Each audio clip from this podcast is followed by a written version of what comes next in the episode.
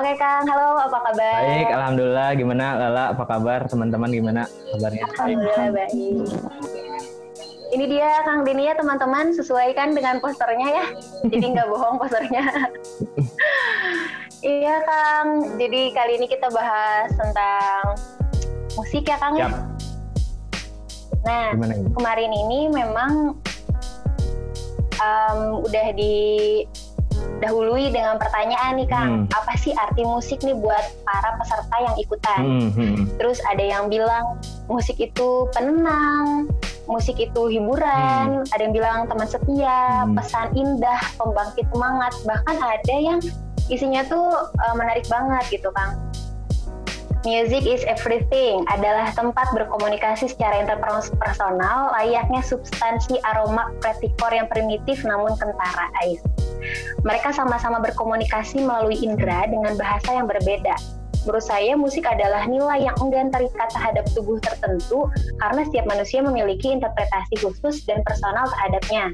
Bahkan ketika saya mendengarkan melodi tanpa disertai bait-bait lirik, saya merasakan apa yang ingin disampaikan seakan-akan kita adalah teman karib. Jadi memang yang kalau yang Lala tangkap ya Kang, Hmm. musik ini membawa emosi tersendiri, membawa energi gitu di dalamnya. Tapi tergantung orang yang membawa, tergantung orang yang menerima gitu energinya Hmm. seberapa besar sih. Jadi bisa beda-beda ya Kang. Hmm. Nah sebelum mulai nih Kang, Hmm. so buat teman-teman nih, how's your life? Buat Kang Denny ini gimana Kang kehidupannya? Baik. Sekarang berkegiatan di rumah aja. Semoga teman-teman juga baik. Amin. Ya udah berapa lama Kang diem di rumah aja? Ini hampir 20 hari ya, 20 hari lebih. Iya, I forgot nih 20-an Iya. lah, 20 hari. Oke, yang belum tahu Kang Denny mungkin bisa diceritain dulu Kang. Sebenarnya Kang Denny ini siapa sih? Oh, saya manusia biasa. Uh, Assalamualaikum warahmatullahi wabarakatuh, teman-teman. Salam kenal semuanya. Alhamdulillah bisa silaturahmi ya sama teman-teman. Mungkin di sini sifatnya saya akan lebih ke sharing aja informasi yang saya dapatkan waktu masa kuliah misalkan atau pas ketika bekerja atau misalkan ketika berhubungan dengan memang penggiat-penggiat eh, yang memang berhubungan dengan bidang musik sebelumnya. Jadi eh, background saya sebenarnya memang saya eh, kuliah S1 musik, terus dapat scholarship di eh, salah satu eh, negara tangga eh, ngambil sound audio engineer. Jadi emang dari musik terus ke audio engineer gitu sebenarnya banyak banyak hal baru sih yang saya dapetin waktu itu. Mungkin ini eh, sedikit cerita aja ya, karena memang total di nggak total different juga sih, tapi memang ada beberapa faktor-faktor yang membuat kita lebih kritis akan suara gitu ketika ketika Yeah. ngobrol soal sound engineering gitu, soal frekuensi yang nanti mungkin akan sedikit berbagi juga. Dan kalaupun teman-teman punya masukan atau misalkan punya eh, informasi-informasi tambahan, mangga eh, untuk di sharing juga yang memang Hmm. frekuensi tersebut berguna entah itu healing, kenapa misalkan ketika dengerin musik kok jadi perasaannya senang, eh kok eh, atau malahan jadi kacau gitu atau sebaliknya Iya. eh, di di di bahasan-bahasan eh, sound engineering tuh hal-hal itu tuh dikupas gitu soal frekuensi, soal rambatan suara, soal pengaruhnya ke DNA misalkan atau hal-hal lain Iya. gitu. Hal-hal Iya. itu mungkin bisa menjadi salah satu informasi juga ketika memang kita yang memang nggak bisa dipungkiri ya semua aktivitas teh pasti we gitu berhubungan dengan musik pergi Ini ke mana ada musik. jangankan gitu lah kalau teman-teman memang nonton film gitu eh, mustahil eh, film-film sekarang tanpa musik kecuali film di bawah tahun Iya. 1920 Charlie Chaplin dan lain-lain Charlie Chaplin udah ada beberapa musiknya sedikit tapi untuk yang sekarang Hmm, udah mulai benar. soundtrack dan lain-lain itu kan sebenarnya sangat erat sangat hubungan kita Iya. dengan musik di keseharian gitu terus saya mm, jadi sound engineer beberapa grup musik juga di eh, Bandung dan di Indonesia terus ngeproduserin beberapa musisi juga hmm, yang memang dari situ mungkin bisa bisa melihat eh, musik lebih mungkin lebih holistik gitu ya. Karena memang pernah ada di beberapa uh, situasi itu entah itu sebagai playernya misalkan dulu oh ternyata di belakang layarnya seperti apa. Dan um, yang menarik adalah uh, need of research di kita soal musik tuh memang uh, masih masih kalah dibanding negara-negara maju lainnya.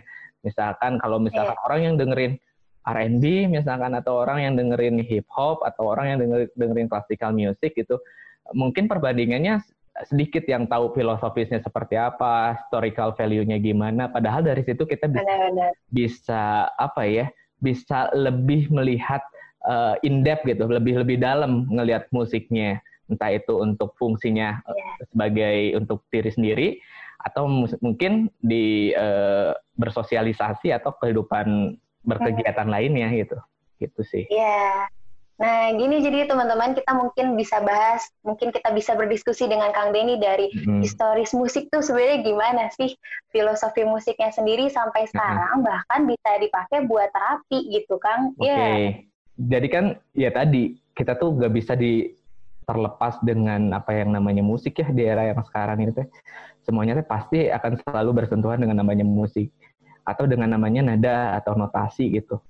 Bahkan di semua wisdom pun sekarang common gitu udah kayak eh, semua kayak hal-hal yang ber, berbau keagamaan pasti dibalut dengan nada gitu dengan nada dengan notasi gitu terus apa sih fungsinya gitu jadi kalau teman-teman memang eh, di sini ada yang sudah atau bahkan yang belum tahu soal eh, penjelasan soal nada frekuensi dan lain-lain nanti kita coba bahas sedikit ya nah uh, kita coba dengar uh, jelasin soal frekuensi. Jadi benar-benar si frekuensi ini tuh penting banget kita tahu karena semua hal yang berkaitan dengan nada dengan bunyi itu pasti ada frekuensinya gitu.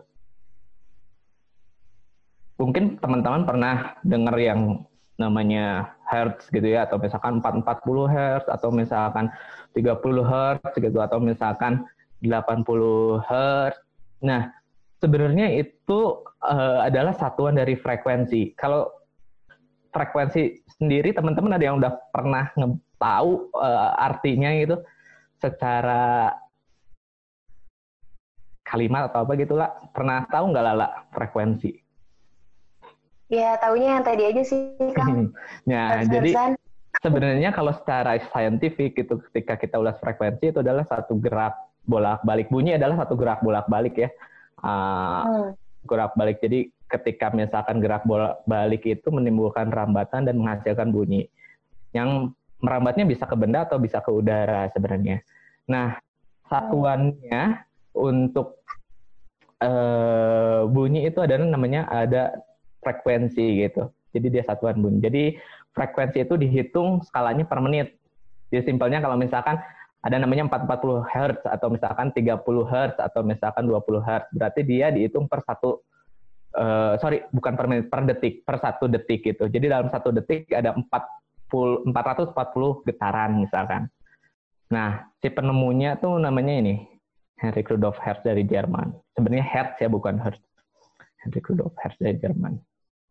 Nah, kita coba bahas frekuensi, amplitude, wave, and length gitu ya. Amplitude tuh hmm, amplitudo ya kalau di bahasa Indonesia gitu. Jadi kalau teman-teman pas SD, SMP gitu kan ada yang pelajaran di IPA tuh amplitudo itu frekuensi. Nah di musik sebenarnya erat banget dan fungsinya cukup signifikan terutama untuk uh, manusia gitu untuk orang yang mendengarkannya. Nah ini bisa dilihat jadi 3 Hz, jadi dia gelombangnya lebih sedikit dibandingkan di 6 Hz. Gitu. Dia lebih banyak.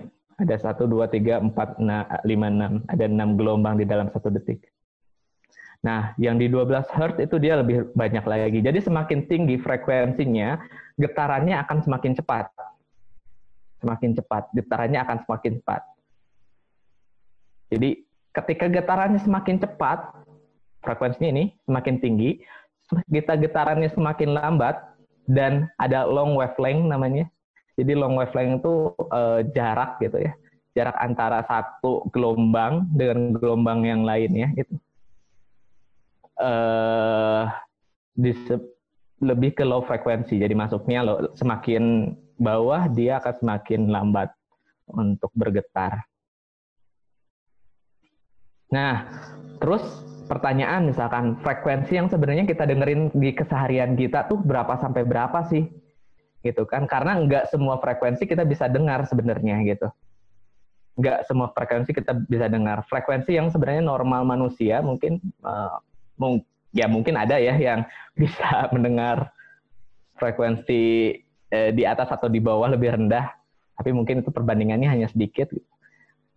Itu biasanya di antara 20 Hz sampai 20 ribu Hz atau 20 kHz secara range uh, frekuensinya.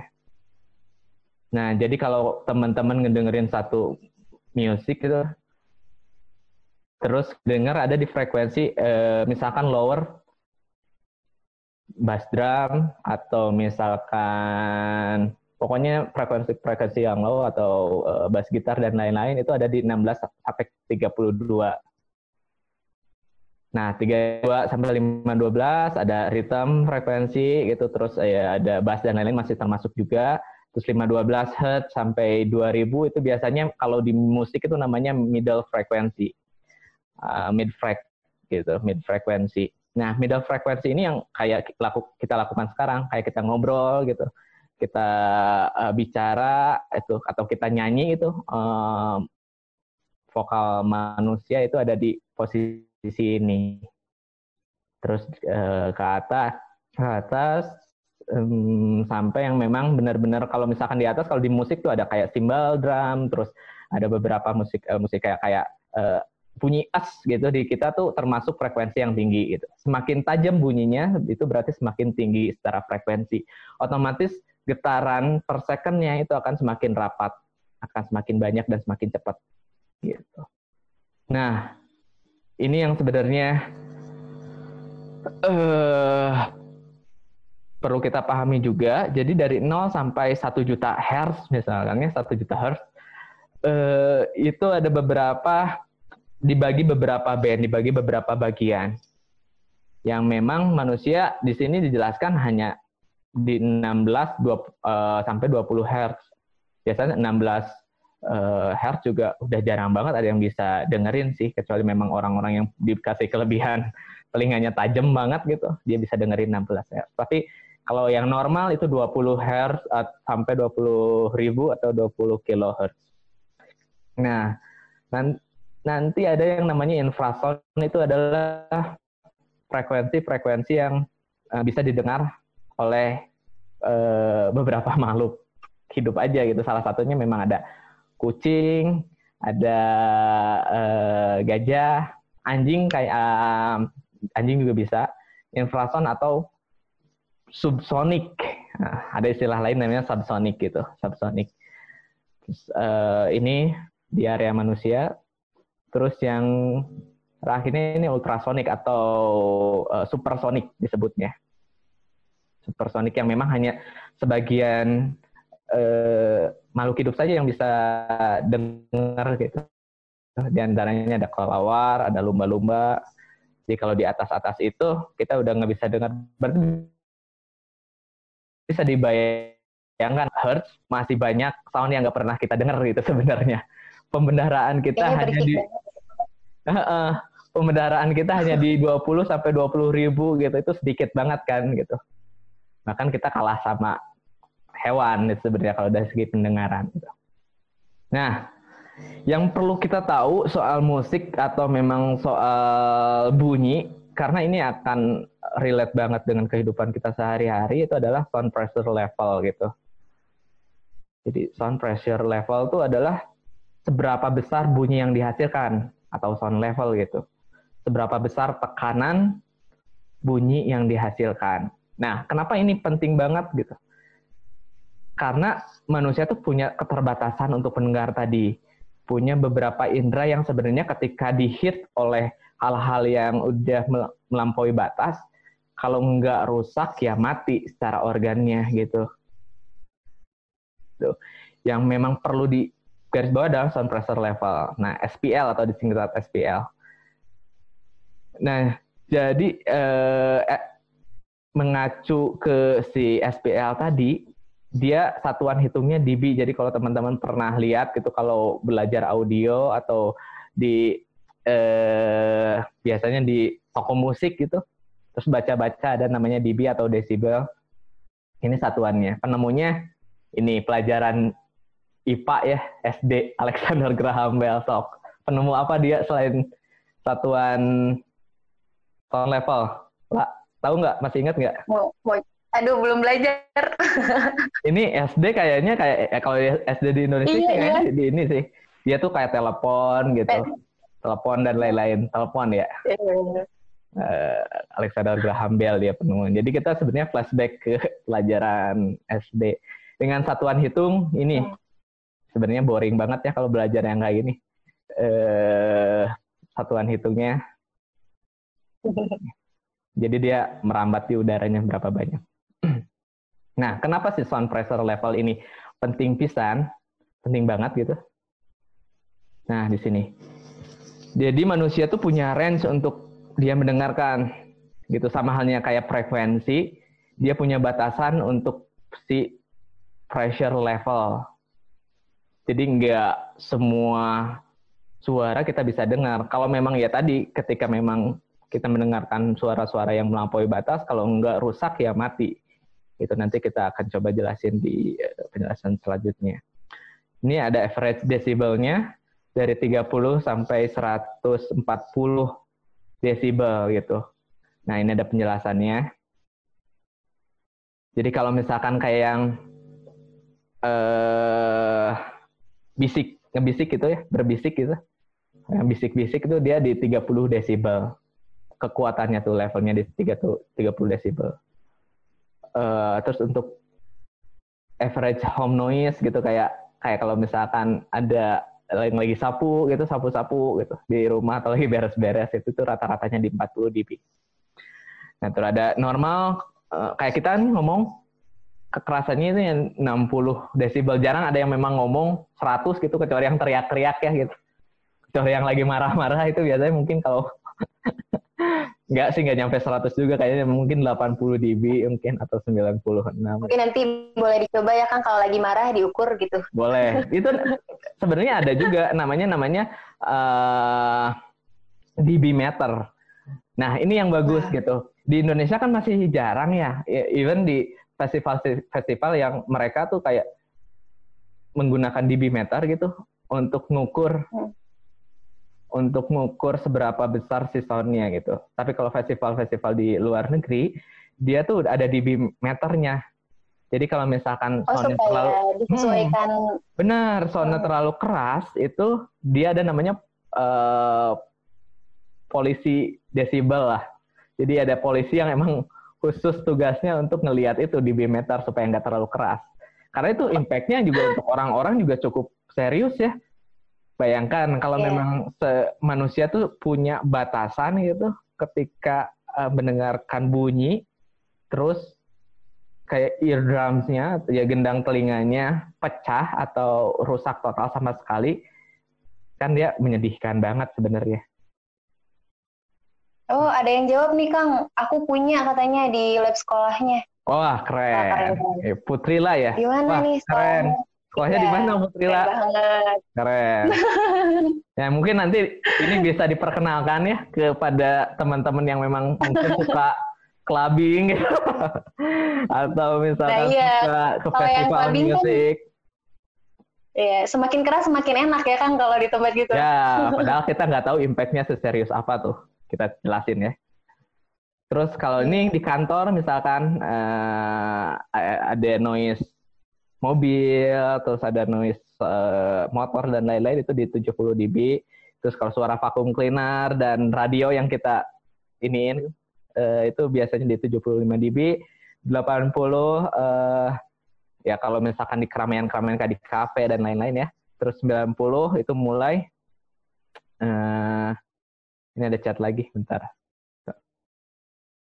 Nah, di Play Store juga ada. Iya bener. Kayaknya ada juga sih di Play Store jadi gratisan benar jadi dia uh, capturing pakai HP gitu jadi bisa diukur terus boombox gitu boombox tahu nggak lah boombox apa? Anak-anak sekarang ada yang tahu. Boombox tuh kalau hip hop hip hop zaman dulu kayak radio gede gitu, gitu, yang di di ya itu. Oh iya iya iya iya. Iya iya iya. Ya. Namanya boombox. Boombox hip hop.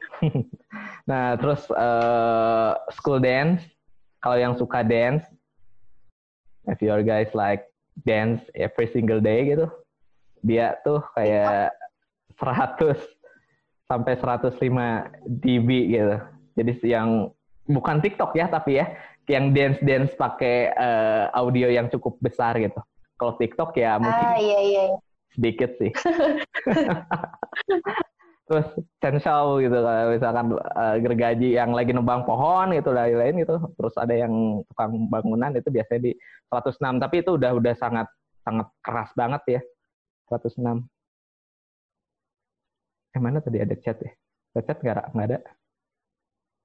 Ada dari Embos. Boombox hmm. keren pada masanya, berarti Embos pada masanya ada ya. ya. Jadi kalau Embos kayaknya era hip hopnya era-era uh, ini apa? Tupak. Iya, jadi ketahuan kan Embos salah nih komennya. Era-era Tupak apa? Uh, terus ada Chainsaw, Olive Boreal tadi. Terus uh, kalau nonton bola misalkan dia ada di 120 dB. Nah, kemakin ke atas ini semakin berbahaya ya, Ra. Jadi uh, dari 85 dB ke atas tuh itu cukup cukup uh, harmful lah uh, buat orang-orang gitu. Kalau memang di sering ngedengerin di atas 85 ini cukup bahaya. Apalagi kalau misalkan yang memang ada penembak nggak di sini wah misalkan yang suka latihan tembak tanpa ada diffuser gitu di telinga itu cukup bahaya. Nah, tinggal kita ngukur seberapa sering kita dengerin uh, sound level di atas 85 karena impactnya cukup serius. Kalau ya tadi kalau nggak rusak ya mati gitu secara secara uh, indera kita. Nah ini jadi ada pertanyaan misalkan uh, ketika di atas 150 apakah itu bisa ngebunuh kita nggak gitu? Jadi sebenarnya uh, tidak langsung ke kematian sih, bisa rusak dulu gitu. Nah di sini biasanya ada uh, ketika di atas 150 ke eardrums kita akan rusak si gendang telinganya kita. Mungkin kalau teman-teman mau membuktikan, mangga dicobain. Boleh kalau yang udah ya, tinggal ini dulu. Uh, 185 sampai 200. Nah, mungkin ini bisa bisa bisa sampai mematikan sih kalau orang dengerin di di angka ini. Nah, sekarang kita ke pembahasan tadi healing-healingan. kita sebenarnya akan akan akan coba bedah dulu soal soal standar frekuensi yang kita pakai sekarang. Nah, ini ada pertanyaan kalau pakai earphone itu berapa, Kak? Persisnya mungkin saya nggak tahu ya harus diukur pakai dB meter, tapi biasanya itu kayak kita dengerin uh, radio rata-rata seharusnya tapi bisa dibayangkan kalau kalian ketika misalkan datang ke klub atau datang ke music festival gitu, terus kalian dengerin dengan tekanan yang sama, itu bisa jadi tekanan yang ada di earphone kalian sama dengan festival-festival itu dan makin berbahaya gitu. Jadi semakin ke atas itu semakin berbahaya dan memang semakin sering semakin berbahaya. Jadi ada beberapa penyakit-penyakit yang sebenarnya bisa ada yang bisa disembuhkan, ada yang enggak. Jadi teman saya, teman saya waktu sekolah dulu ada yang dia punya penyakit namanya tinnitus. Teman-teman bisa browsing ya, googling itu tinnitus itu apa. Ada yang pernah tahu belum sebelum uh, tinnitus? Jadi tinnitus itu ketika telinga berdenging, nging, mungkin pernah ya, pernah mengalami itu nge, yeah. biasa kalau udah udah ya, terlalu berisik itu berdengung gitu. Kalau tinnitus itu dengungnya itu nggak berhenti atau bisa jadi reverb gitu kayak ngegaung dan nggak berhenti dan itu nggak bisa diobati uh, mungkin bisa diredam ya tapi mungkin normal normal bisa balik normal lagi mungkin perbandingannya kecil banget gitu kayaknya. Jadi memang sedikit berbahaya ya ketika memang kita terlalu sering mendengarkan di atas 18 85 dB. Dan teman saya itu yang tinnitus itu ya tadi mungkin ada kaitannya sama siapa yang nanya earphone tadi? Uh, dia tuh terlalu sering karena kerjaannya mixing audio gitu terus dan lain-lain itu pakai headphone dan lain-lain terlalu sering dia uh, pakai uh, headphone gitu si telinganya dia rusak. Nah, tuning pitch kita sekarang uh, ngomongin tuning pitch. Nah, mungkin di teman-teman sekarang mungkin ada yang udah tahu juga, mungkin atau ada yang belum tahu juga soal standarisasi tuning di dunia gitu. Yang sebenarnya banyak banget yang menjelaskan standarisasi sekarang itu 440 gitu. Atau bahkan teman-teman belum tahu yang didengerinnya standarnya 440 misalkan. Nah, ketika misalnya kita bahas jadi tahu gitu kan kita ketika tadi bosan-bosanan sama boring-boringan sama fisika gitu jadi tahu ya. Oh gue tuh dengerin musik di tuning ini. Wah jadi kan keren. Jadi keren. Ketika biasanya di empat uh, di empat empat puluh yang kita pakai sekarang. Jadi nanti teman-teman juga bisa riset masing-masing soal dari mana sih empat empat puluh ini berasal gitu jadi ada yang inisiatornya namanya Johan Hendrik uh, Skebler. Dia dia uh, musisi. Saya lupa.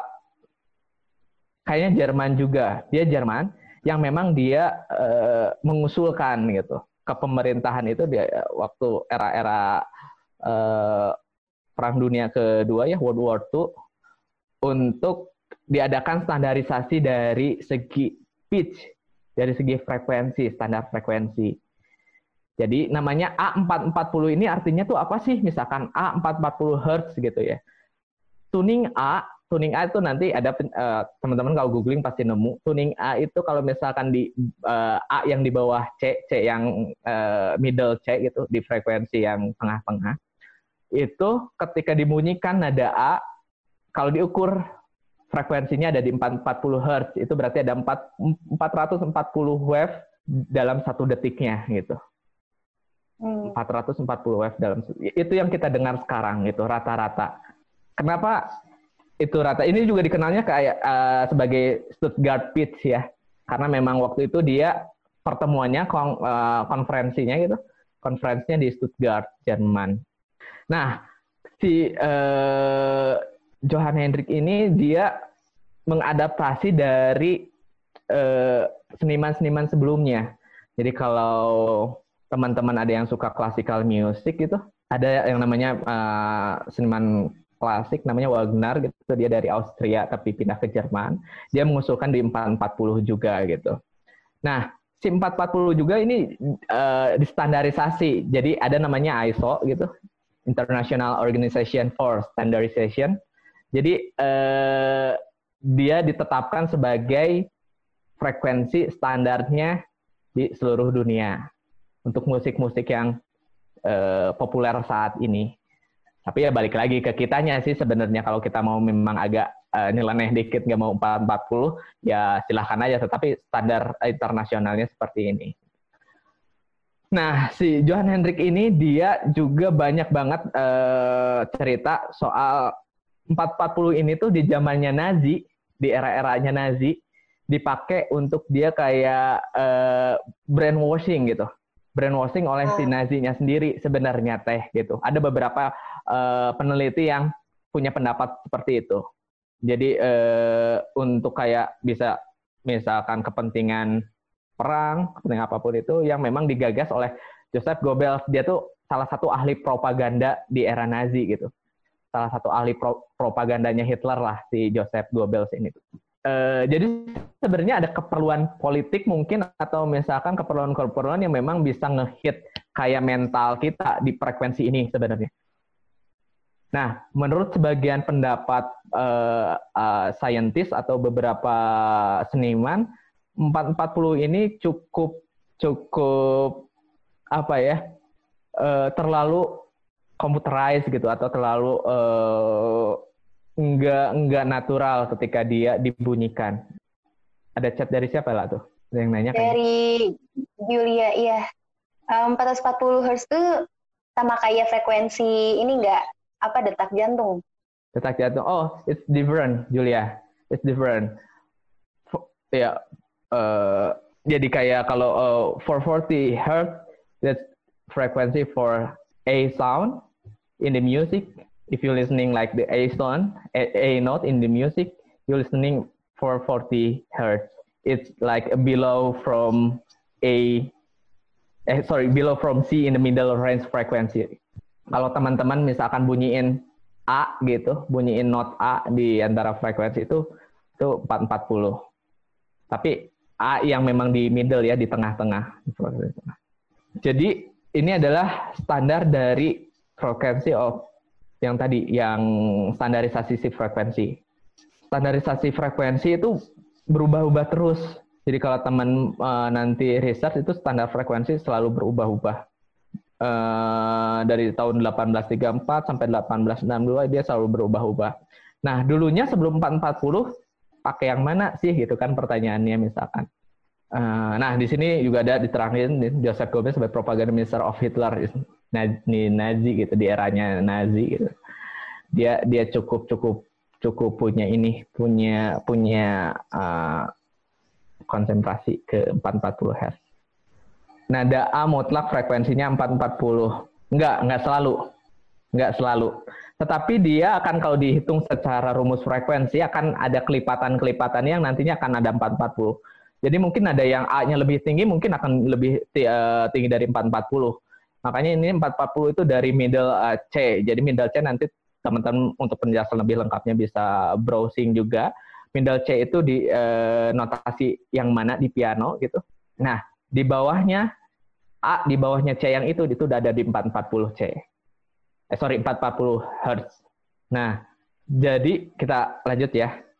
Sebelum 440 itu ada namanya 432 Hz yang sebenarnya eh, selalu dipakai gitu. Dan kerennya lagi si 432 ini adalah eh, selalu selaras dengan suara-suara alam yang nanti mungkin bisa digunakan juga untuk healing. Itu music for healing atau misalkan frequency for healing gitu. Uh, nanti ini bisa digunakan 432 jadi dulunya yang memang asalnya 432 atau misalkan ada beberapa uh, eh, 439 misalkan ini dirubah jadi 440. Kita lihat lagi ya. Nah, ini sejarah standarisasi akhirnya 440. Nah, ini diadopsi di seluruh dunia, di Amerika, di negara-negara yang memang uh, musiknya cukup berkembang ya karena kalau kita ngobrol soal pop culture gitu, kita tidak terlepas dari uh, American music gitu. Uh, instead of kayak pop, uh, blues gitu, dia memang ada akulturasi dengan musik-musik Eropa gitu.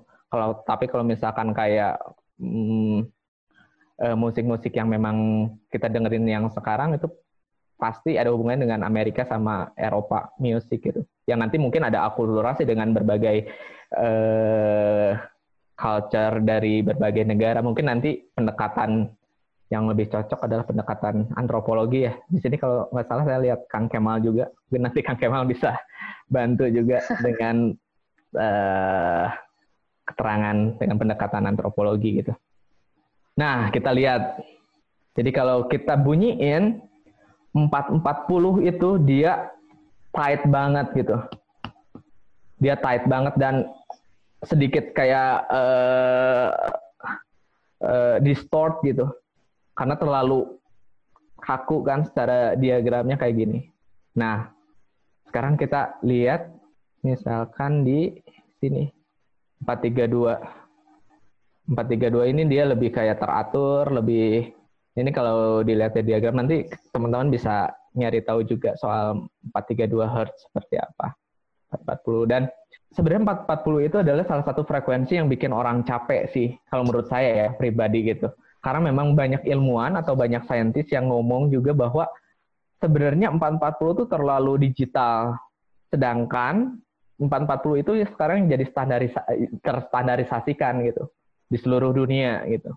Bahkan ada yang beberapa uh, ilmuwan, ya, saintis atau misalkan beberapa eh, pakar-pakar musik dia ngomong kalau misalkan 440 uh, cukup bisa menghipnotis orang gitu, menghipnotis dalam hal-hal yang, sebenarnya mungkin agak untuk menggerakkan atau brainwashing tadi mungkin ini ada kayak uh, relate juga dengan cerita si yang tadi itu ya si Joseph Goebbels itu ketika dia uh, kepentingan 440 ini untuk untuk pro, salah satu alat propagandanya Nazi ya gitu.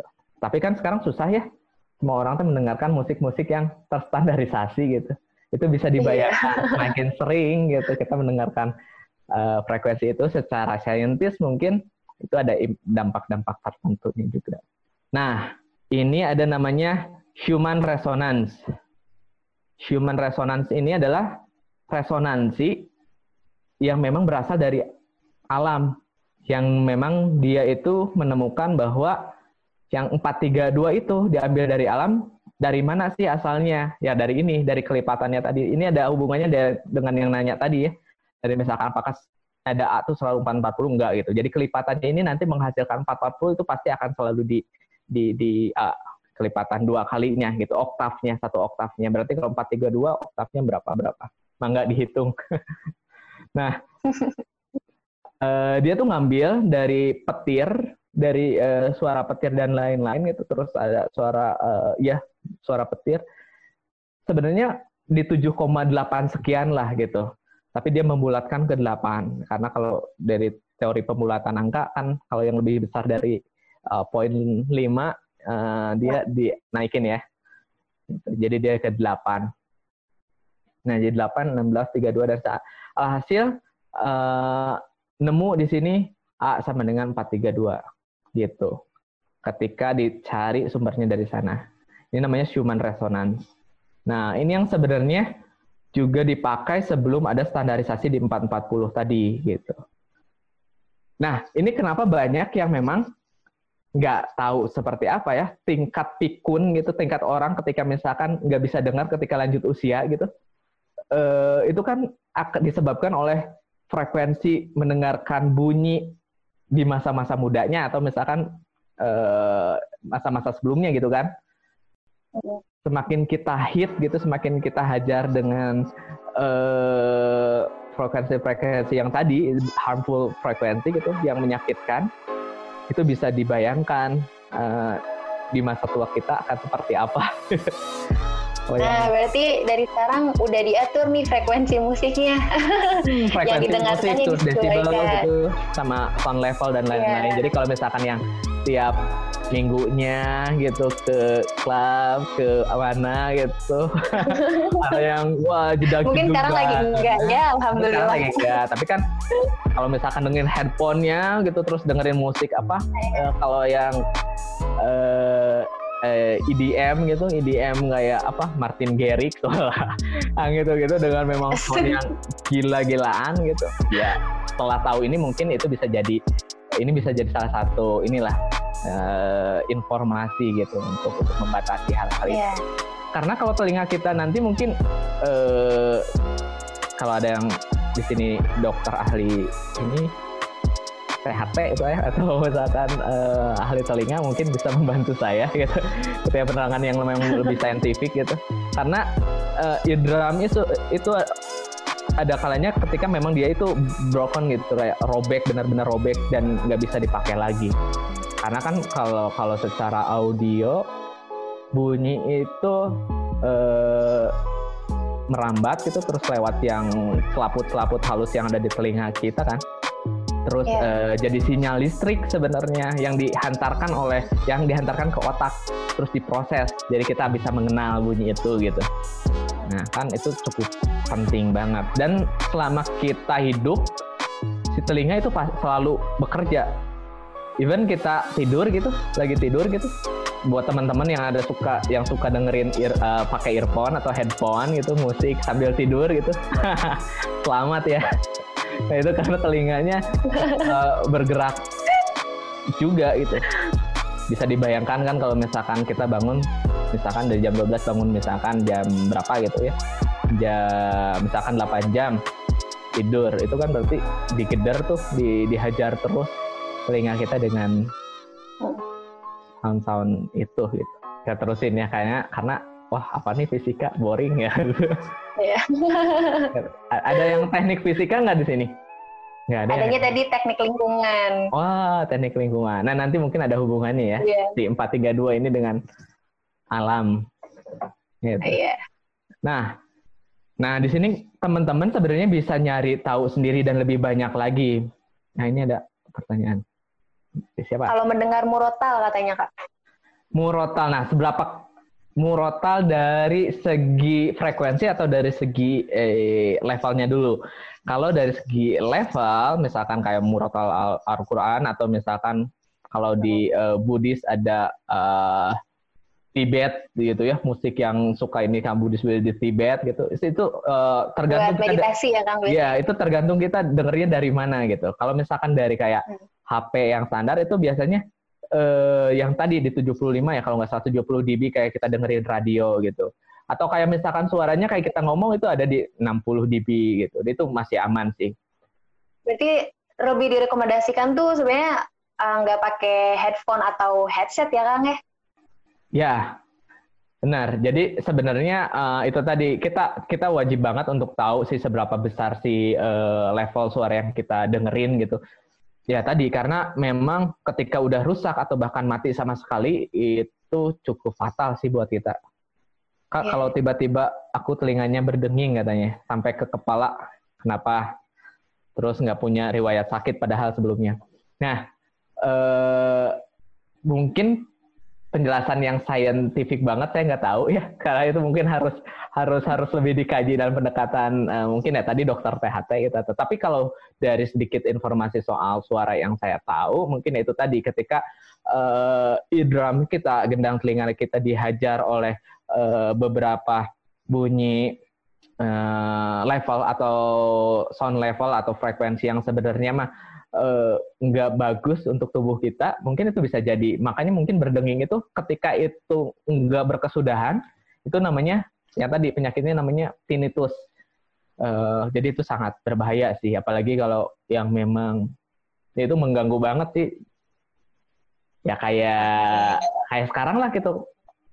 Uh, ya hal positifnya dari corona gitu ya. Kalau jadi suara-suara bising motor atau harmful-harmful tadi itu. Iya, jadi kurang ya Kang ya. Nah ini ada penjelasannya. Kita lanjut ya.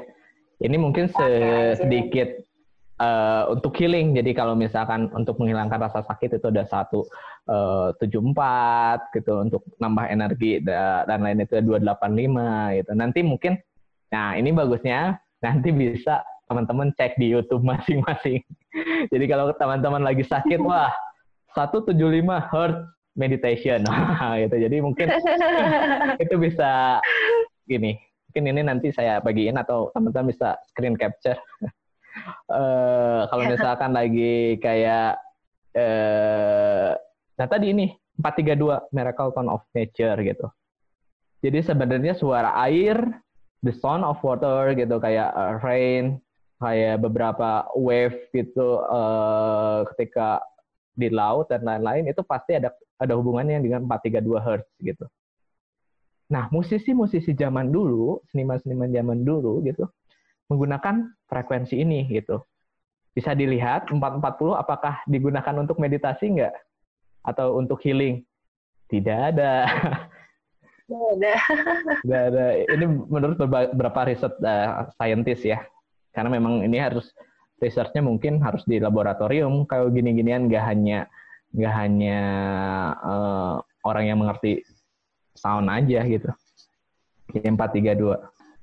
Do you know what is the maximum hertz you can reach with the high voice?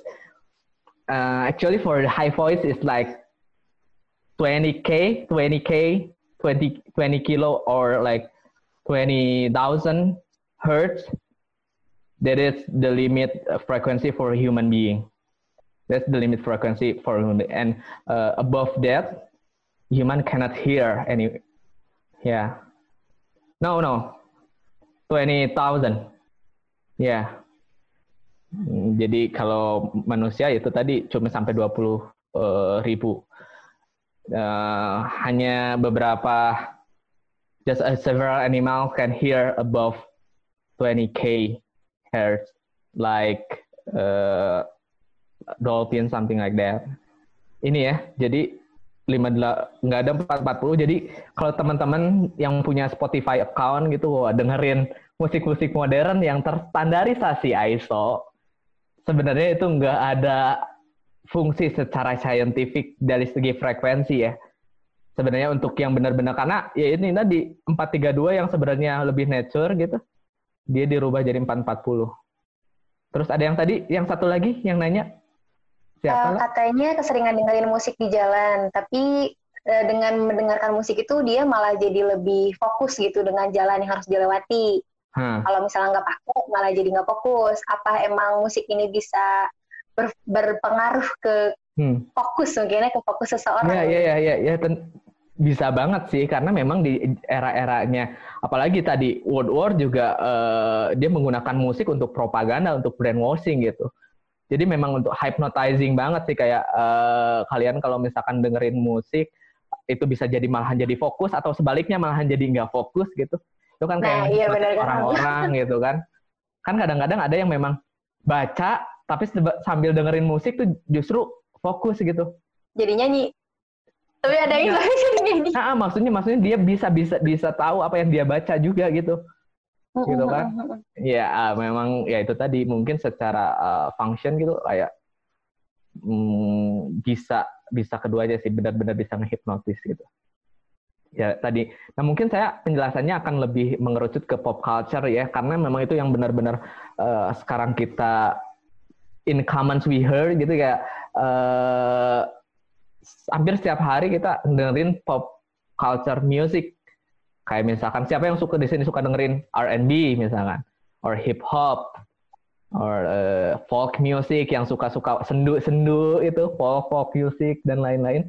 Uh, itu kan sebenarnya pop culture yang sebenarnya ya itu tadi sesuai dengan standarisasi si ISO tadi 4440 dan kalau dilihat dari kegunaannya secara healing sebenarnya nggak ada di sini dilewat gitu langsung ke 528 kalau nggak salah mungkin bisa dikonfirmasi di di di uh, albumnya yang Kunto Aji ya kalau di Indonesia dia dia sempat jelasin dia pakai frekuensi berapa gitu untuk healing. Hmm. Ada pertanyaan dari Kang Kemal nih Kang. Mana? Uh, musik itu sebenarnya punya nilai yang universal. Uh, ada nggak sih riset seseorang atau beberapa orang dari latar belakang berbeda hmm. dikasih frekuensi yang sama dan efek yang dialaminya itu sama atau hmm. ditentukan juga dengan latar belakang seseorang itu? Hmm. Nah, untuk detailnya mungkin uh, saya kurang tahu ya soal misalkan ada pengaruhnya dari uh, latar belakang orangnya atau enggak gitu. Tetapi memang kalau di uh, dikaitkan dengan apakah misalkan ketika healingnya dipakai kedua orang bersamaan, impactnya akan selalu sama, misalkan seperti itu. Uh, mungkin tidak tidak selalu, tapi bisa jadi ada juga yang sama. Tetapi ketika uh, frekuensi hertz ini dipakai untuk beberapa percobaan, beberapa percobaan itu sangat powerful sih ke ke benda lain ya, nggak ke manusia gitu. Tapi memang riset-riset ini soal uh, uh, frekuensi untuk healing ini mungkin berdasarkan riset-riset yang lebih deep lagi soal itu. Jadi memang balik lagi ke orangnya ya Kang ya? Ah ini nih, ah benar. Dari Intan ya musik-musik binaural yang disediakan Spotify, frekuensi aslinya menjadi berubah. Soalnya saya suka dengan binaural via Spotify. Oh, mungkin saya harus coba sih. Binaural from Spotify. Mungkin dia udah udah research itu juga mungkin ya. Jadi memang penting banget menurut Spotify ya kalau itu memang dilakukan bagus sih. Karena memang ya itu tadi kalau standarisasinya jadi 440 kan sebenarnya fungsi untuk frekuensinya doang ya, fungsi-fungsi secara frekuensi gitu ya. Jadi eh, kecil banget gitu untuk healing tentunya gitu. Kalau teman-teman dengerin kayak musik-musik tahun era-era tahun 60-an lah, jangan jangan 20-an, tahun 60-an, tahun uh, 70-an misalkan. Beatles gitu atau misalkan The Doors, Janis Joplin yang rock-rock gitu gitu. Itu masih ada sebagian musik-musik yang dia pakai tuningnya uh, 432 gitu kayak kayak pakai 432. Hmm. Kayak dia pakai 432 Hz, makanya kalau teman-teman belajar itu di piano atau di gitar gitu, eh, meskipun teman-teman ngeset itu di 440 Hz, kok kayak yang beda ya gitu, uh, kok enggak pas. Uh, iya, iya, iya. Nah, itu kan banyak banget tuh kayak kayak gitu tuh. yang kayak padahal kita udah nge-tuning itu pakai aplikasi gitu ya di Play Store gitu atau di Apple Store Ketahuan gitu. deh. Oke, okay, Kang ini ada tiga pertanyaan. Ha Atau ya. mau saya lanjutin mau Kang ini mau dulu? Lanjutin dikit lagi ya. Kayaknya dilanjutin dulu aja ya. Ha siap. Nah, ini jadi ada penemuan ini nih yang keren. Glass scattering by frequency. Ini bisa dilakuin sih kalau teman-teman uh, di rumah mau nyoba gitu. Jadi teman-teman bisa kayak dibunyiin gelas misalkan kayak gini, gelas dibunyiin, diketuk, terus teman-teman dengerin frekuensi berapa? Wah, kalau teman-teman udah belajar karena tadi udah belajar frekuensi kan, jadi udah bisa ngukur gitu. Neng, gitu. Oh, ini ternyata 500 Hz gitu. Udah jago misalkan udah jago ngukur. Terus teman-teman coba dia kalau bisa niruin suara itu dengan presisi, sedikit presisi sama halnya kayak frekuensi yang tadi yang misalnya 500 Hz itu misal gitu. Terus dilakukan dengan uh, frekuensi waktu berapa lama itu si gelas itu bisa pecah. Hmm Padahal itu kan bukan alat berat ya, benar nggak? Iya iya. Dan dia Jadi bukan dulu. uh, bukan alat uh, yang memang kayak apa pun yang bisa mecahin gelas gitu. Tapi hanya dengan rambatan frekuensi ketika memang itu uh, secara uh, dilakukan dengan kurun waktu uh, sekian menit gitu, itu bisa ngancurin. Kalau nggak salah, saya pernah lihat ada di YouTube, teman-teman bisa cek, ada yang eksperimen itu, kayak dia teriak gitu di kaca, terus tiba-tiba si gelasnya pecah gitu. Kan keren, eh keren gitu. Jadi benar-benar bukan bukan punya ilmu apa gitu, karena memang saintifik, yeah. saintifik bisa di. Kayak teman-teman, ntar udah kalau udah kelas ini ada yang coba boleh di tag ke makna aksara kalau berhasil ya. Ya, boleh. Hadiah dari boleh. Kang Denny. boleh boleh. Jadi benar-benar mengaplikasikan pelajaran frekuensi hari ini. Iya, benar kak. Nah ini ada beberapa yang di di di, di Tacoma Bridge ini di di uh, peninsula dia salah satu uh, daerah di Washington. Dia tuh uh, katanya sebagian peneliti ngomong bahwa dia tuh collapse gitu kayak uh, ambruk karena frekuensi frekuensi dari uh, angin yang memang uh, konsisten di frekuensi itu dan sampai bisa menghancurkan jembatan. Bisa dibayangkan kan efeknya berapa besar gitu. Dan itu bisa dibayangkan ke pendengaran kita sehari-hari gitu. Kalau kita mendengarkan frekuensi yang sama, misalkan tadi 440 dengan itu berulang berulang berulang berulang. Itu saya uh, menurut saya pribadi sih itu pasti ada ada efek yang cukup signifikan ke ke manusia gitu. Nah, lanjut dari sini mungkin ini akan sedikit dijelasin soal yang tadi apa kaitannya dengan uh, pop culture. Karena kalau melihat dari pembahasan kita yang tadi ini teman-teman bisa nyari tahu sendiri uh, jadi kalau uh, sound for healing dan lain-lain bisa nyari dengan frekuensi-frekuensi ini. Tapi kalau teman punya teman-teman punya informasi tambahan boleh di share juga frekuensi apa aja yang bisa membantu kita untuk healing gitu. Nah itu untuk healing. Jadi sebenarnya kalaupun misalkan musik pop ini pendekatan secara frekuensi ya si untuk healing secara frekuensi. Karena kalau mendengarkan musik secara keseluruhan kan kalau misalkan ada lirik gitu misalkan ada eh, lain-lain atau energi-energi positif lain itu juga bisa untuk healing sebenarnya gitu. Tapi kalau pendekatannya dari bunyi dari frekuensi ya, ya tadi yang saya jelaskan gitu. Nah eh, musik sebagai rootsnya musik modern gitu. Seperti yang saya jelaskan di awal, sebenarnya kan mungkin nanti Kang Kemal bisa bisa bisa bantu tambahkan untuk pendekatan antropologinya gitu. uh, sebenarnya tidak terlepas dari tiga musik ini, blues, jazz, and classical music gitu. Yang memang nanti diadaptasi oleh negara-negara di seluruh dunia gitu. Terus dia teralkulturasi lah dengan musik-musik di daerahnya masing-masing gitu. Nah ini apa kaitannya dengan healing misalkan? Ya tadi itu selama pop culture atau music in pop culture itu uh, menggunakan frekuensi-frekuensi yang sebenarnya itu untuk bisa dipergunakan untuk healing tadi, ya itu pasti akan cukup uh, fungsional. Bukan hanya kita memahami musik itu dari segi lirik atau dari segi uh, isi sebuah lagu misalkan, tetapi dari uh, frekuensi ketika dilakukan pendekatan secara saintifik gitu. Nah, tidak terlepas dari blues, jazz, and classical music gitu. Kenapa blues, jazz, and classical music? Karena ini yang selalu sering uh, diadopsi di beberapa negara yang memang jadi uh, musik pop sekarang. Musik pop itu bukan hanya musik yang menye-menye ya, maksudnya gitu. Musik yang uh, pop itu pop culture, maksudnya mau hip hop, R&B atau uh, jazz atau EDM dan lain-lain itu di, diadaptasi sebenarnya awal-awalnya blues, jazz, and classical music.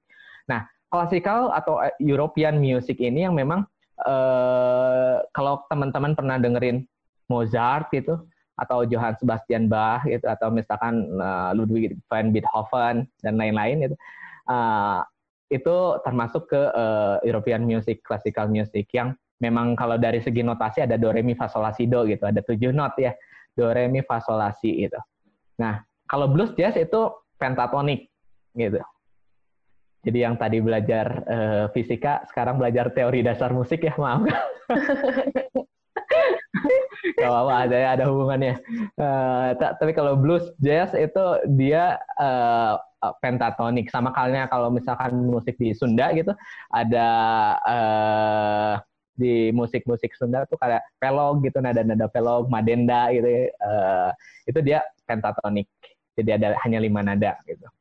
Blues jazz klasikal. Nah, ini tuh yang paling sering diadopsi uh, di beberapa negara. Contohnya kalau misalkan kita berbicara soal uh, musik keroncong. Musik keroncong itu sebagian pendapat juga menyebutkan bukan asli musik uh, dari Indonesia. Ada yang teman-teman udah pernah nyari tahu belum asal mula musik keroncong atau mungkin ada musisi keroncong yang bisa menambahkan?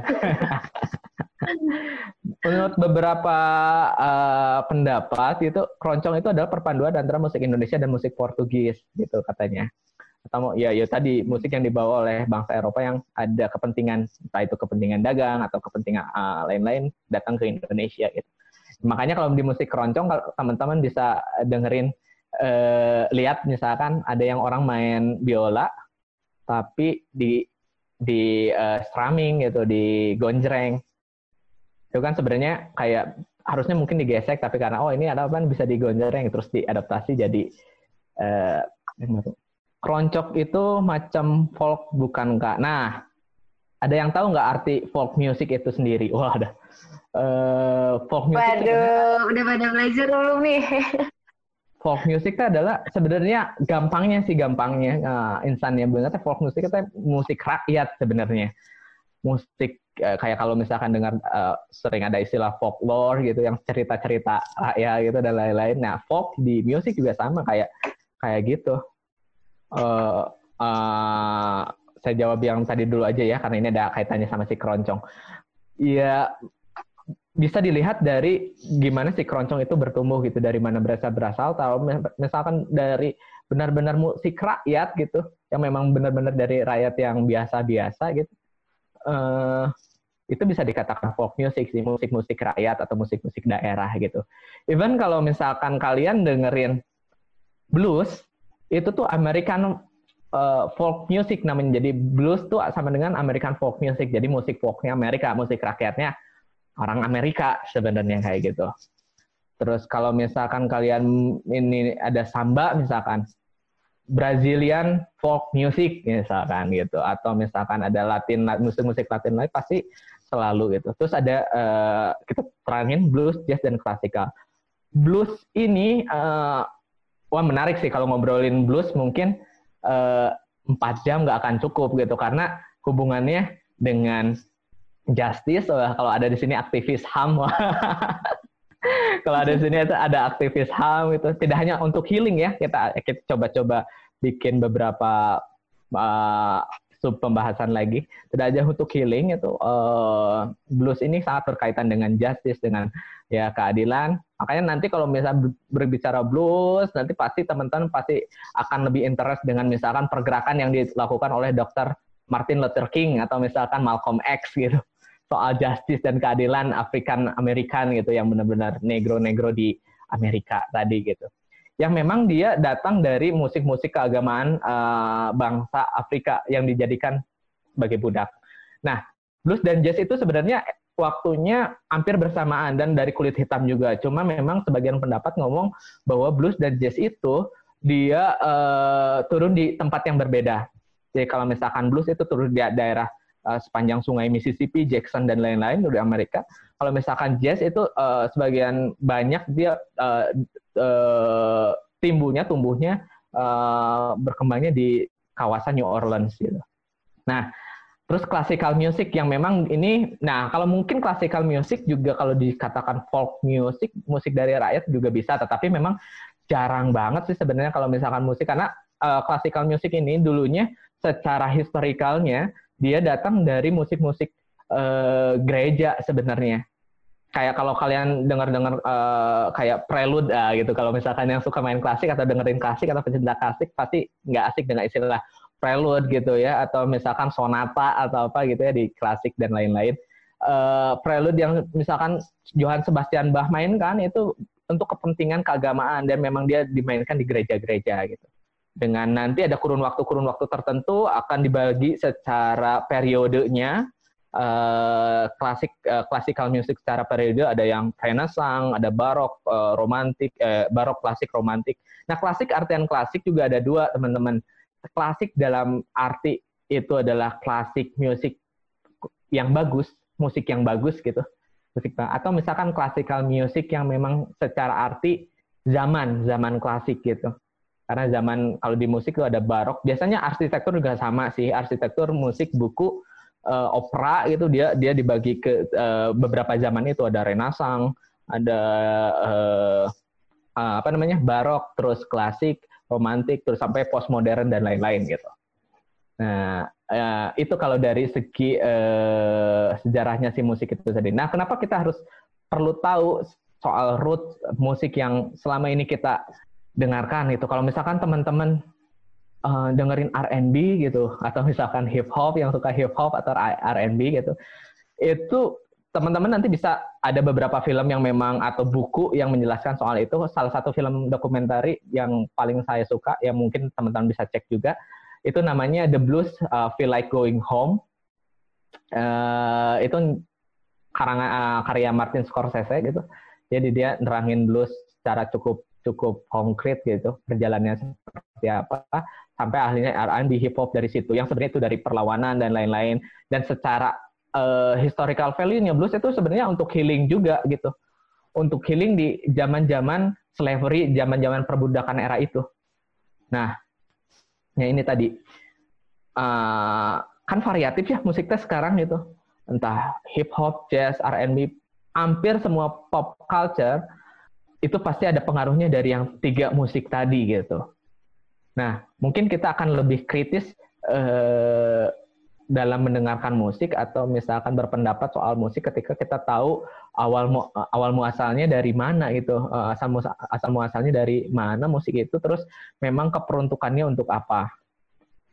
Nah, itu tadi si musik blues ini eh, karena di era-era itu kan, nah ini di salah satu gambar waktu orang-orang Afrika itu dibawa dibawa ke Amerika pakai ya, kapal laut gitu. Terus dia diperlakukan ya wah nggak manusiawi sih. Jadi makanya kalau blues itu pasti ada ada kaitannya dengan uh, hak asasi manusia gitu. Itu sangat-sangat ini banget dan blues itu uh, sebenarnya lahir dari musik keagamaan yang kalau dirunut lagi itu dari gospel. Dari sebenarnya musik-musik pertama untuk healing juga, musik untuk uh, berdamai dengan diri, wah sesuai judul. uh, terus untuk uh, Tuhan gitu, untuk uh, semua yang bersifat uh, transcendental, uh, yang memang itu diadopsi bahkan kalau misalkan musik-musik itu asalnya kan gospel ya musik gereja. Tetapi di roots lagi eh, kalau misalkan ditarik lagi dari akarnya gitu ada sebagian besar uh, peneliti uh, dia berpendapat bahwa uh, azan juga mempengaruhi musik blues gitu irama azan gitu. Karena Afrika dulu pernah uh, mengalami masa-masa golden age-nya masa-masa kejayaan dan emang sebelum itu uh, uh, masyarakatnya mayoritas Islam gitu dan mengadoptasi itu terus terjadilah akulturasi dan jadi uh, beralih ke gospel terus diaplikasikan uh, di Amerika gitu. Karena budak-budak ini tuh sebenarnya kan penjajahannya 500 tahun berevolusi sampai alhasil sekarang. Mungkin lebih dari 500 tahun ya kalau kalau dihitung sampai sekarang sampai jadinya hip hop, R&B dan lain-lain gitu. Nah, kalau klasikal musik itu tadi. Jadi memang ada yang beberapa fungsi klasikal musik misalkan untuk healing kan banyak banget ya sekarang kayak misalkan kayak eh ibu-ibu itu yang lagi hamil terus dengerin musik klasik ke anaknya gitu kan. Biar anaknya cerdas katanya. Biar anaknya cerdas gitu ya. Ya itu bisa dari berbagai pen pendekatan sih sebenarnya.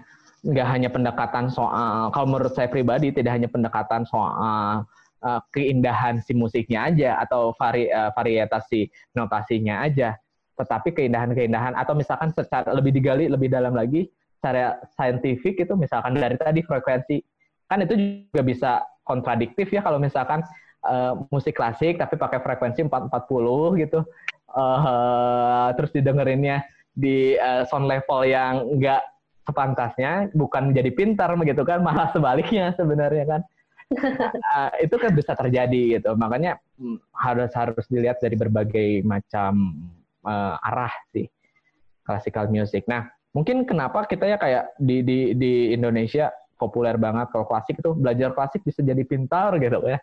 Atau misalkan yeah. uh, ini deh bisa sekolah aja ini piano klasik gitu. Ya mungkin ada pendekatan-pendekatan dari karyanya tadi misalkan dari notasi-notasi yang memang cukup kan kadang-kadang klasik itu cukup matematik banget gitu ya tematik banget. Jadi uh, benar-benar presisi gitu benar-benar apik dan lain-lain dari pendekatan itu. Tapi pendekatan secara saintis uh, saintifik lainnya gitu uh, dia perlu dikaji ulang juga sih.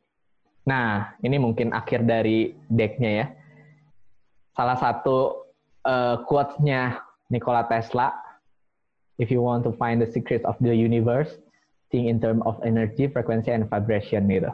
Uh, jadi memang frekuensi penting banget itu. Nggak hanya heal untuk healing kita, orang yang sebenarnya mah mungkin secara tingkat kekuatan, tingkat uh, berpikir ada batasnya gitu. Sampai hal-hal benda-benda yang sebenarnya sangat besar, keras yang tadi kayak misalkan contoh di uh, apa jembatan atau misalkan gelas dan lain-lain itu juga cukup berpengaruh gitu. Bahkan ada beberapa penelitian yang memang ternyata kalau nggak salah saya pernah nonton di TEDx gitu. Uh, ternyata frekuensi 100 Hz itu dia udah bisa bisa bisa eh, mengobati sel kanker gitu. Banyak sih yang yang kayak gitu gitu frekuensi 100 Hz atau frekuensi berapa itu lewat frekuensi gitu.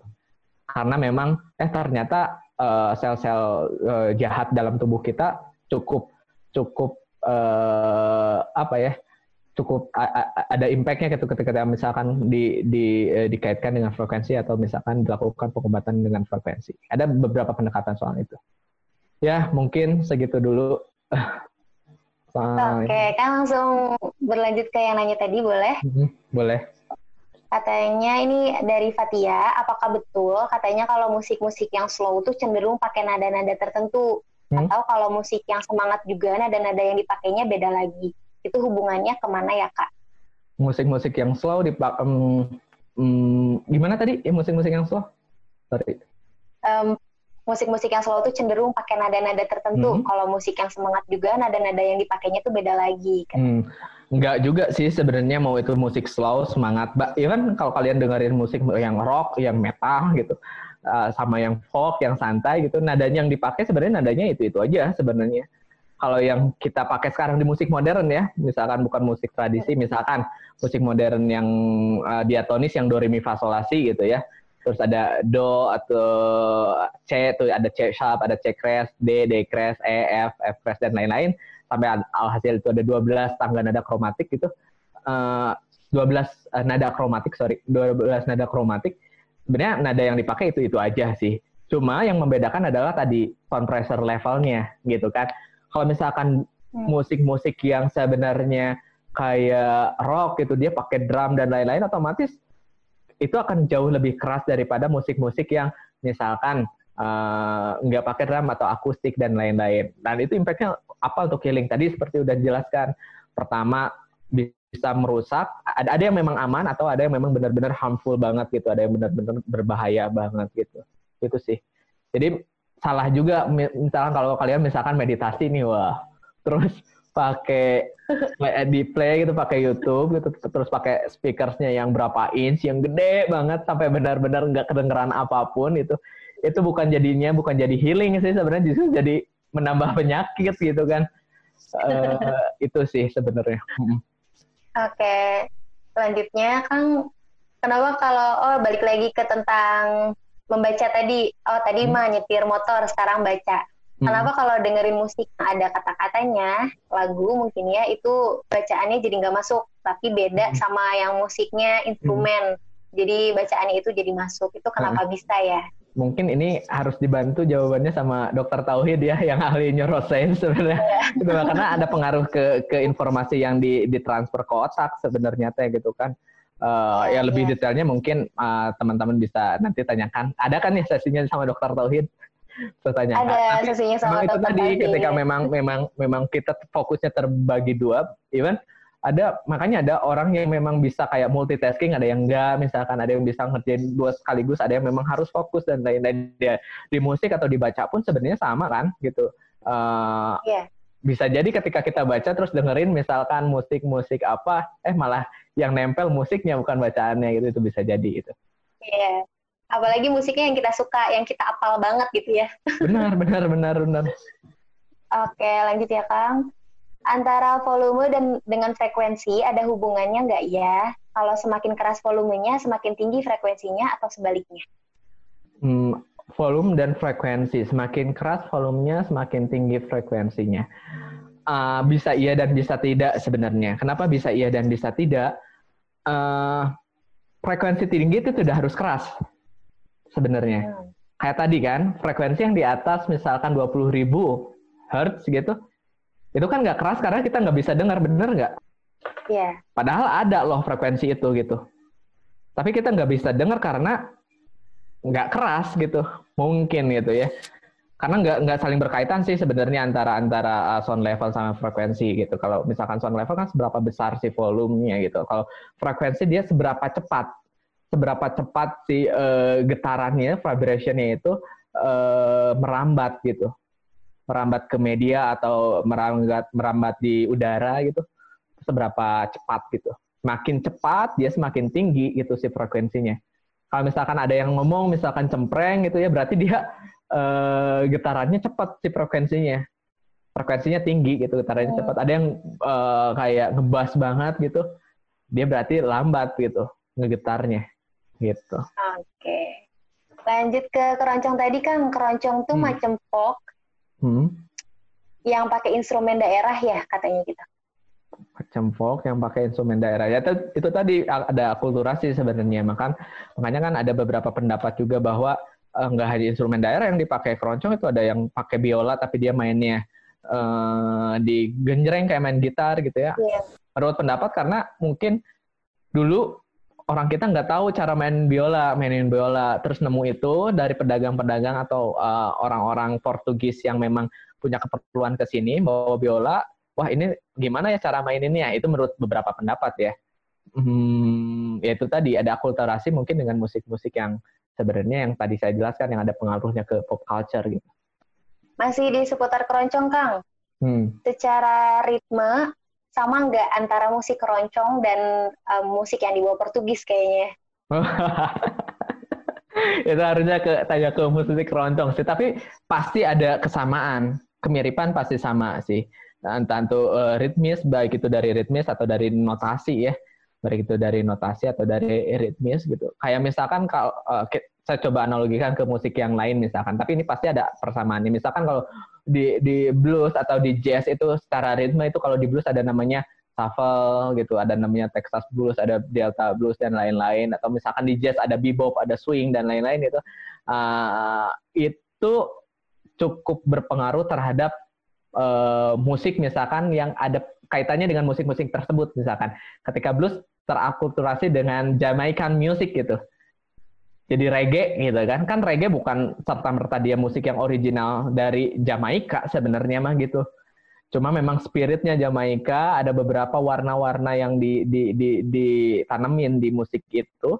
Alhasil itu uh, uh, kayak menjadi Jamaican music gitu. Padahal itu ada akulturasi di antara uh, kedua atau misalkan beberapa musik gitu. Beberapa jenis musik. Mm -mm. Mungkin ada kaitannya ya antara keroncong dan musik-musik Portugis banyak sih kayak kayak kesamaan kayak kayak gini lah dangdut lah kan ini perdebatan banget ya yang sebenarnya nggak kunjung berakhir kayak dangdut itu adalah uh, originally music from Indonesia gitu. Ada lagi yang ngomong itu dari India dari mana dari mana? Itu kan sebenarnya ada kemiripan gitu. Karena udah terakulturasi ada campuran atau ada ada ada mix gitu. Oke ini mungkin jadi pertanyaan terakhir kang. Bass hmm. drum itu ada hmm. frekuensinya? Apakah hmm. bernada? Katanya gitu. Ya bernada dan ada frekuensinya. Jadi buat teman-teman yang tahu oh bass drum itu nggak ada nadanya gitu ya nada itu sebenarnya kan uh, bisa dikaitkan dengan ilmiahnya dengan tadi hubungannya dengan frekuensi makanya A sama dengan 440 berarti nada A itu adalah 440 Hz gitu dan itu kalau ini mau mau mau mau, mau di, di, di ini digali lebih dalam mungkin ya eh, semua suara juga pasti bernada sebenarnya.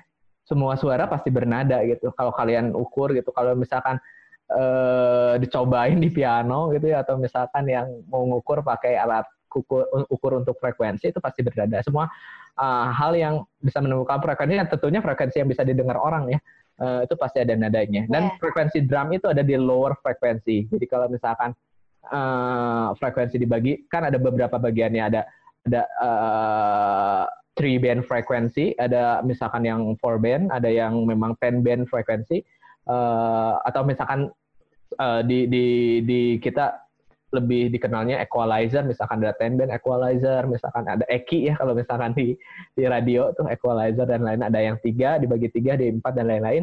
Nah si bass itu dia ada di lower frekuensi di frekuensi pertama sampai uh, di sekitaran ter, uh, 180 lah, 80-an gitu, 80 hertz gitu, gitu. Oke Kang, mungkin untuk teman-teman tanya jawabnya segitu dulu karena ini udah masuk ke penutup Kang boleh nih dikasih kata-kata penutup buat kata -kata dari Akang gitu buat Iya. Uh, intinya tadi sih uh, sebenarnya penutup yang kedua setelah quotes-nya Nikola Tesla gitu. uh, jadi sebenarnya ya uh, suara, bunyi dan musik itu sangat penting bagi uh, kehidupan kita sehari-hari bahkan untuk kesehatan, untuk healing atau apa pun itu gitu. Jadi memang uh, lebih kritis dalam memilih uh, musik, lebih kritis dalam uh, berkeseharian ketika mendengarkan musik gitu, karena impactnya tadi yang seperti yang udah uh, kita jelaskan bareng-bareng cukup berpengaruh. Uh, yang mudah-mudahan dengan adanya sedikit informasi dari saya ini bisa bisa menjadikan mm, informasi tambahan buat teman-teman untuk memilah dan memilih apa yang teman-teman dengar, apa kebiasaan teman-teman selama ini. Uh, dan mungkin teman-teman juga kalau punya tambahan uh, atau hal-hal yang baru yang memang uh, bisa dijadikan informasi untuk menambah informasi jadi lebih banyak boleh di share uh, sekali lagi mohon maaf kalau memang banyak yang kurang. Ini hanya sedikit informasi yang saya tahu sekian Kang katanya ini pakai bahasa hmm. Inggris, ada yang nggak ngerti. oh, request pakai bahasa Inggris katanya Kang. Oh, dari Julia. Oke, okay, oke. Okay. Uh, yeah, the music is important to us, you know, like music sound and uh, anything about uh, music, lyric and uh, frequency and vibration. That is the important things for us. That is, uh, and uh, I think we need uh, more picky for for for for picking or choosing our our uh, music in uh, in our activity in every single day, like that. And sounds like Nikola Tesla said, is frequency. If you know, uh, want to know about uh, the secret of the universe, you learn about frequency, about uh, vibration, and anything.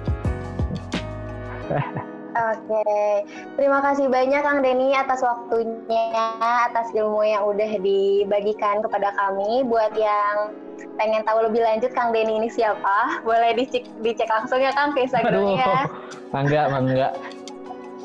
Instagram saya di Iya, Instagramnya ada di Makna Aksara. Ada di Makna Aksara. Boleh, Kang. Di, iya. di Instagram saya di @underscore okay. Denny Eram Dani Denny. Mangga. Nanti juga kalau teman-teman punya informasi tambahan, nuhun pisan kalau bisa berbagi juga. Iya.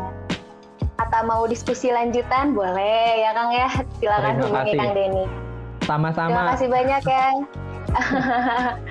oh iya, untuk kelas selanjutnya ini kita bakal bersama Mbak Sasa, ada Mbak Sasanya juga di sini. Halo Mbak, kita bakal bahas tentang mensyukuri bumi, sebuah penghayatan terhadap sisi hidup yang terlupakan. Kalau tadi Kang Denny bilang, ya musik terbaik itu ya dari alam. Nah, mari kita mengalam ya. Mungkin Kang Denny juga nanti mau ikut, boleh ya Kang? Insya Allah hari Rabu tanggal 15 April. Untuk yep. informasinya boleh dicek aja di Instagram Makna. Sekali yep. lagi terima kasih banyak Kang Denny. Sampai yep. berjumpa lagi. Terima kasih banyak teman-teman. Atur nuhun. Dadah semuanya. Waalaikumsalam. Hari Kang.